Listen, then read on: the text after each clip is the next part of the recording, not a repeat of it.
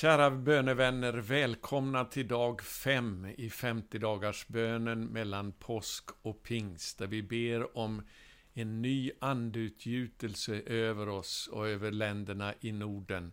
En ny pingst, det är vad vi beder om. Eh, jag vill också berätta här nu att vi ger ut de här budskapen nu på eh, iTunes som podd. Så du kan eh, klicka på länken nedanför den här YouTuben för att se hur du kan eh, spela upp den om du vill lyssna på det i bilen eller medan du gör någonting annat och inte kan se de här budskapen på video så kan du möj ha möjlighet också nu att lyssna på dem på iTunes som podd. Eh, du kan också hjälpa oss mycket genom att eh, dela de här budskapen med andra som du tror är intresserade av att be för vårt land och för våra länder i Norden så att vi blir fler och fler som deltar i den här bönen. Ja, den här eh, dagen så ska jag tala lite grann om lärjungarnas förvandling som de gick igenom under de här 50 dagarna mellan påsk och pingst. För det är ju en uppmuntran för oss att vi kan få vara med om samma sak.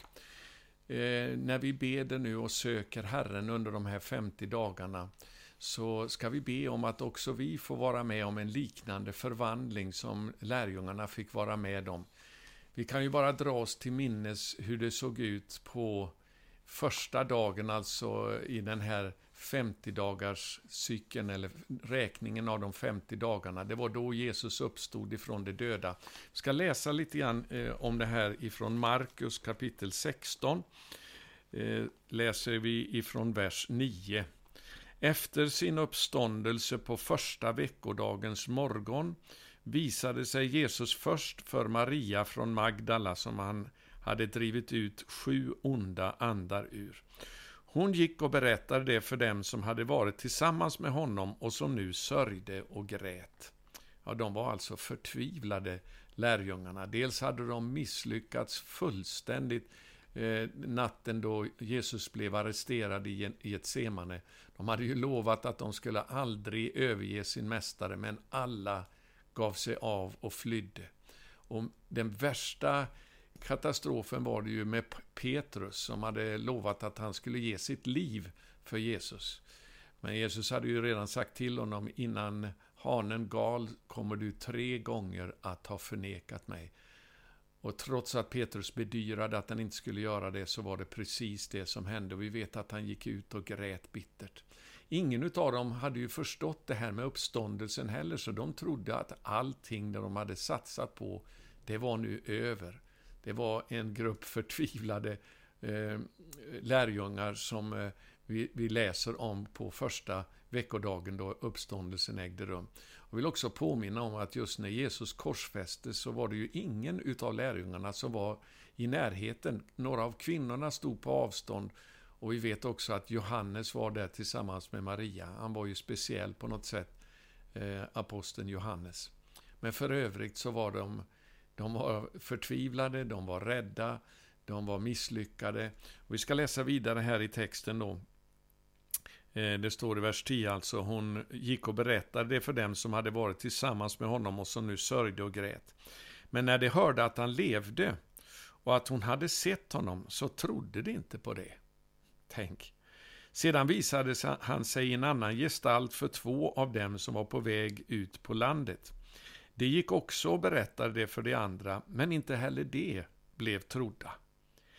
Men sen står det då i vers 14, sedan visade han sig för de elva när de låg till bords, och han förebrådde dem deras otro och hårda hjärtan, då de inte hade trott på dem som hade sett honom uppstånden. Så vi ska läsa om det här också ifrån Lukas. Jag vill ha den här bakgrunden innan vi talar om den fantastiska förvandling som de fick vara med om. Och hur vi kan få vara med om en liknande eh, förvandling i våra liv under de här 50 dagarna om vi följer mönstret här som vi ser i Guds ord för, med vad som hände med lärjungarna. Vi ska se här eh, och eh, vi läser ifrån vers 1 i kapitel 24 i Lukas eh, evangelium. På den första dagen i veckan gick det tidigt på morgonen till graven med, det välluktande, med välluktande kryddor som de hade gjort i ordning. De fann att stenen var bortrullad från graven och gick in, men fann inte Herren Jesu kropp. När de inte visste vad de skulle tro, se då stod två män i skinande kläder framför dem. Kvinnorna blev förskräckta och böjde ansiktet mot marken, men de båda männen sa, varför söker ni den levande bland de döda? Han är inte här, han har uppstått. Kom ihåg vad han sa till er medan han ännu var i Galileen. Han sa att Människosonen måste utlämnas i syndiga människors händer och korsfästas och uppstå på tredje dagen. Då kom de ihåg hans ord. Och de vände tillbaka från graven och berättade allt detta för de elva och för alla de andra. Det var Maria från Magdala och Johanna och Jakobs mor Maria. Också de andra kvinnorna som var med dem talade om det för apostlarna. Innan jag går vidare så kan vi säga att det är Ehm, det här visar bara att kvinnorna har mycket lättare för att vara eh, öppna för sånt som är nytt än vad män har. Det var ju ingen av männen som gick till graven på morgonen, utan det var kvinnorna som gjorde det. Männen de var sörjde och grät. Men så står det då i vers 11. Men det kvinnorna berättade om eh, uppfattade dessa som tro, tomt prat, och de trodde inte på det. Men Petrus steg upp och sprang till graven, och då han lutade sig in såg han endast linnebindlarna, och han gick hem fylld av förundran över det som hade hänt. Så fortfarande så kunde de inte tro det här. Och sen har vi ju då berättelsen om de här eh, två lärjungarna på vägen till Emmaus som är så bedrövade. Och så kommer Jesus och gör sällskap med dem. Och eh, vi ska Eh, läsa här i texten nu från vers 25. Ehm, det sista faktiskt som de säger här i vers 24 ska jag ta med också. Då gick några av oss till graven och de fann att det var så som kvinnorna hade sagt, men honom själv såg det inte. Och så kommer det här i vers 25. Han sa till dem, så oförståndiga ni är och tröga till att tro på allt som profeterna har sagt. Måste inte Messias lida detta för att gå in i sin härlighet? Och han började med Mose och alla profeterna och förklarade för dem vad som var sagt om honom i alla skrifterna. Ja, det var början till förvandlingen. Det var att de fick se, först höra talas om att han var, levde och sedan fick de också träffa honom själv. Eh, och han började att förklara skrifterna för dem. Om vi går till slutet av kapitlet så ser vi här hur eh, Emmaus-lärjungarna kommer nu och berättar då för de elva som låg till bords. Och I vers 36 så står det, medan de talade om detta stod Jesus själv mitt ibland dem och sa, frid vare med er. Uppskakade och förskräckta trodde de att de såg en ande. Ja, det här var en helt fullständig chock för dem alltså. Trots att Jesus hade sagt det flera gånger till dem, Messias måste lida och dö och sedan uppstå igen ifrån de döda. Men de förstod inte vad det handlade om. Men nu läser vi vidare här ifrån vers 38. Men han sa till dem, varför är ni så förskräckta och varför stiger det upp tvivel i era hjärtan? Se på mina händer och mina fötter, att det verkligen är jag.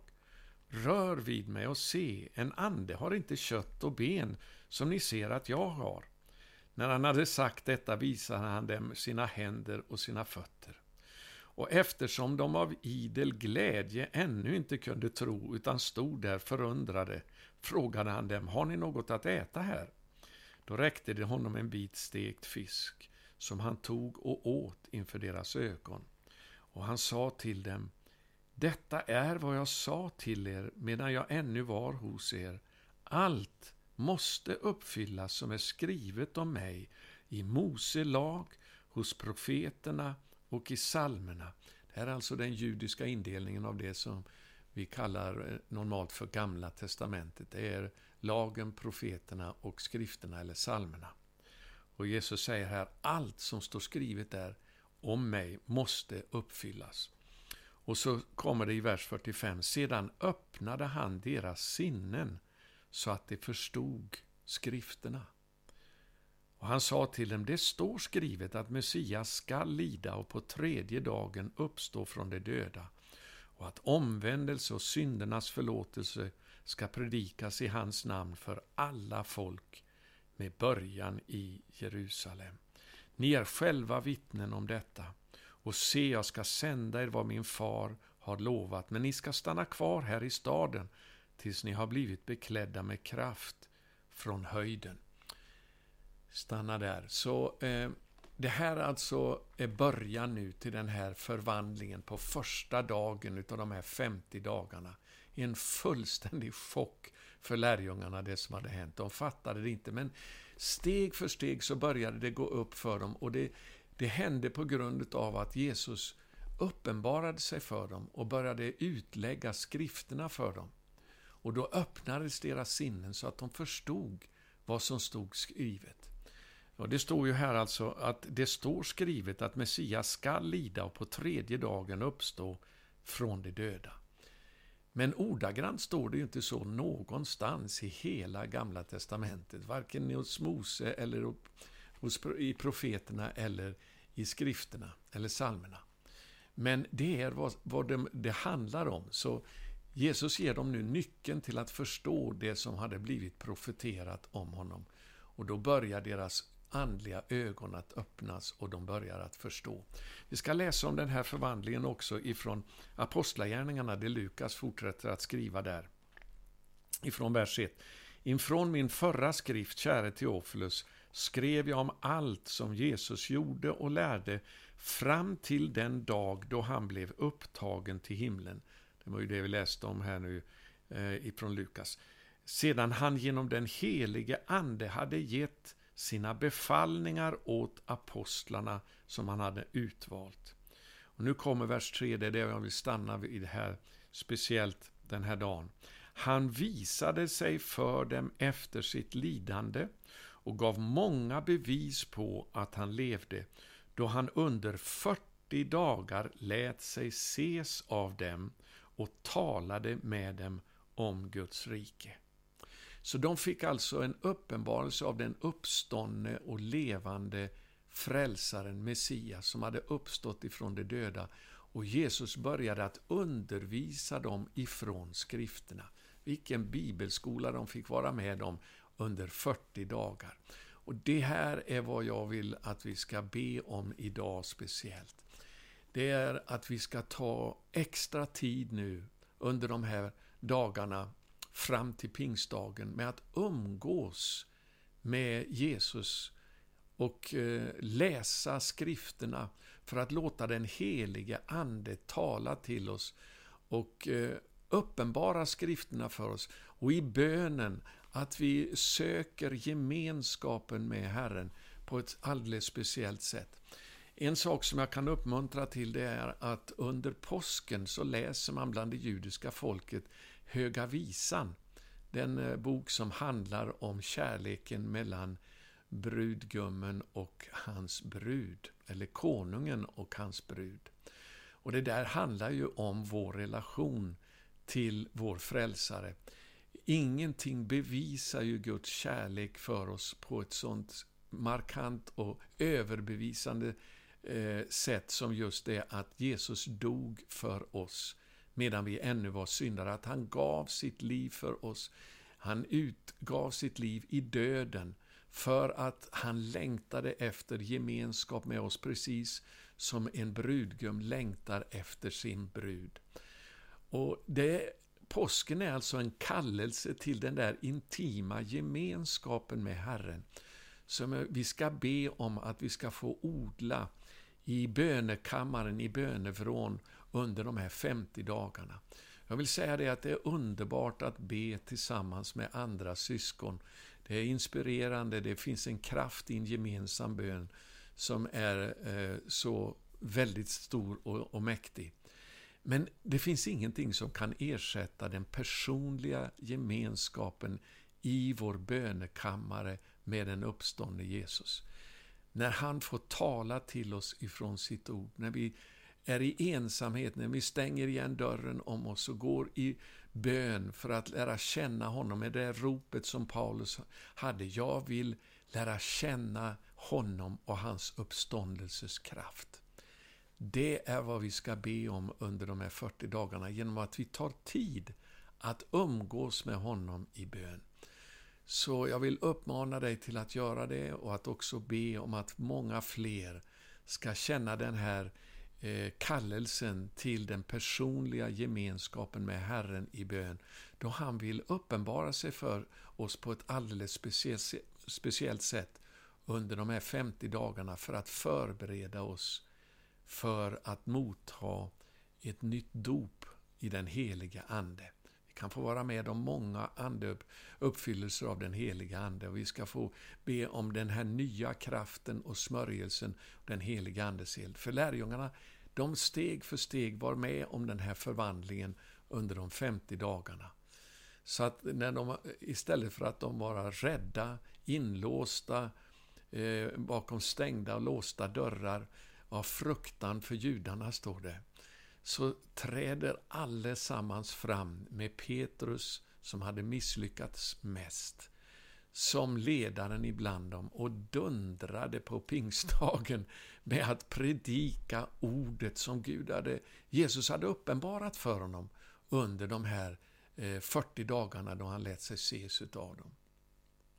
Så det här är någonting som vi ska längta efter under de här dagarna mellan påsk och pingst.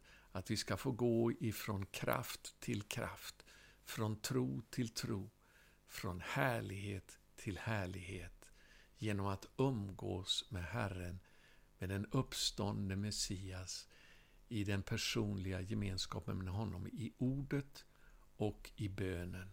Han samtalade med dem i 40 dagar om Guds rike. Och det kan han göra än idag genom sitt ord när vi öppnar oss för honom i bönen och för att den heliga Ande ska uppenbara ordet för oss.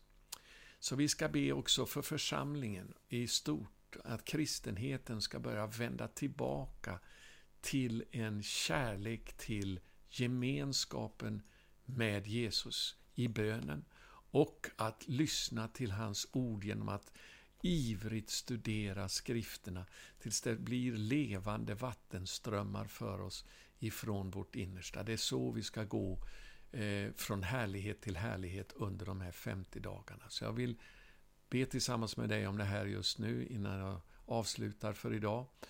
Eh, det här är alltså den femte dagen bara. Vi har bara börjat på den här resan, men det känns att vi går från kraft till kraft på ett underbart sätt.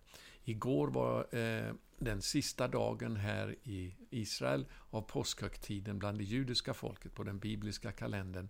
Det som är också en sabbatsdag. Och då man firar den till minnet av eh, uttåget genom Röda havet. Det var så som farao och hans arméer drunknade och de kom ut på andra sidan i fullständig frihet ifrån faraos makt. Så påskens budskap är så mäktigt för oss. Det är på så sätt genom korset och blodet som Satan har blivit berövad all makt över oss. Det ska vi eh, påminna oss om när vi umgås med Herren i bön och tackar honom för den enorma frälsning som han har vunnit för oss. Halleluja! Låt oss bedja. Kära himmelske Far, jag tackar dig för var och en som du kallar till att dra sig närmare dig eh, under dessa 50 dagar nu över hela Norden. Inte bara Sverige utan också eh, Finland och Norge och Danmark och Island, Färöarna och Åland, alla de korsmärkta eh, länderna med korset i flaggorna. Herre, att vi får låta oss uppbyggas på vår allra heligaste tro under de här dagarna, bedjande i den helige Ande och söka och längta efter gemenskapen med Messias i bönen, precis som bruden längtar efter gemenskapen med bruden, brudgummen och brudgummen längtar efter gemenskapen med bruden. Herre, den här kärleksrelationen, tänd den på nytt på ett starkare och djupare sätt under dessa 50 dagar. Jag ber om det, Herre, för att du ska kunna förvandla oss så att det märks att vi har umgåtts tillsammans med dig. Starta en revolution i våra liv. Låt elden eh, brinna ännu starkare inom oss, denna kärlekens eld. Så precis som lärjungarna eh, på vägen till Emmaus så sa också, var inte våra hjärtan brinnande i oss när han talade med oss på vägen och uttydde skrifterna för oss. Låt den elden komma in i våra hjärtan och växa till mer och mer under dessa 50 dagar. Jag beder. Tack för att du hör bön i Jesu namn. Amen. Gud välsigne dig och glöm inte att eh, uppmuntra andra också att stå med i den här bönen nu mellan påsk och pingst. Vi ska få se en förändring både i våra egna liv och i våra länder. Gud välsigne dig.